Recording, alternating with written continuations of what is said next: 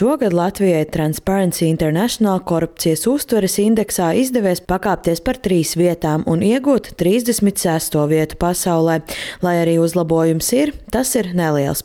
Rādītājs joprojām ir zemāks nekā Eiropas Savienībā vidēji. Jāņem gan vērā, ka Eiropas Savienība ir no korupcijas visbrīvākais pasaules reģions. Starp dalībvalstīm ierindojamies 14. vietā, bet Baltijā mēs esam pēdējie. Nedaudz mūs apsteidz lietuvieši, bet Igauniem izdevies pamatīgi atrauties, un Igaunija ieņem augsto 12. vietu pasaulē. Sabiedrībā par atklātību dēlna skaidro, ka Latvijas progress ir pārāk lēns, turpina direktore Inese Tauriņa. Protams, neatlaidīgs uzlabojums un lēns uzlabojums cīņā ar korupciju Latvijā notiek, nu, taču, kā mēs redzam, gan no šiem salīdzinājumiem ar kaimiņiem, gan arī ar citām Eiropas valstīm, mēs noteikti varam labāk.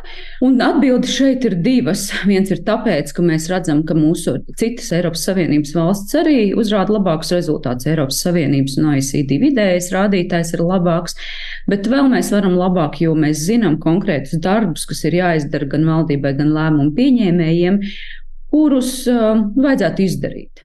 Topa līderos ir Dānija, Somija, Jaunzēlande, arī Norvēģija un Zviedrija un citas attīstītās valstis.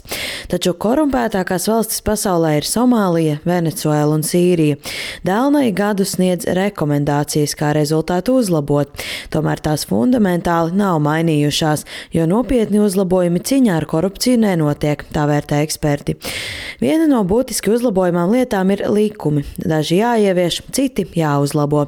Piemēram, būtisks ir pērn ieviestais lobēšanas atklātības likums. Tomēr joprojām ir daudz neskaidrību, kā praktiski likuma normas izpildīt. Turpina Dēlnes padomas priekšsēdētāja Evita Goša.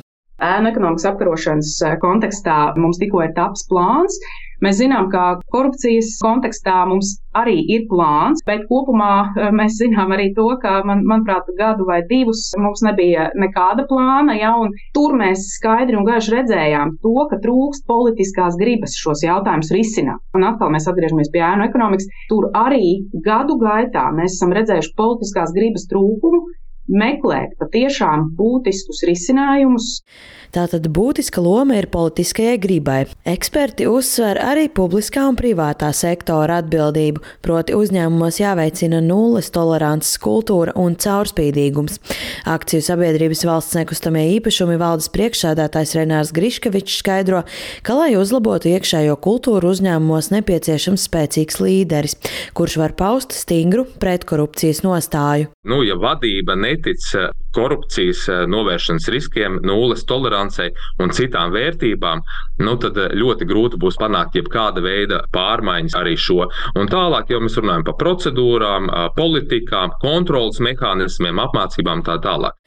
Latvijas Nacionālajā attīstības plānā ir izvirzīti mērķi jau nākamajā gadā korupcijas uztveres indeksa rezultātu palielināt par četriem punktiem, bet 2027. gadā par septiņiem punktiem.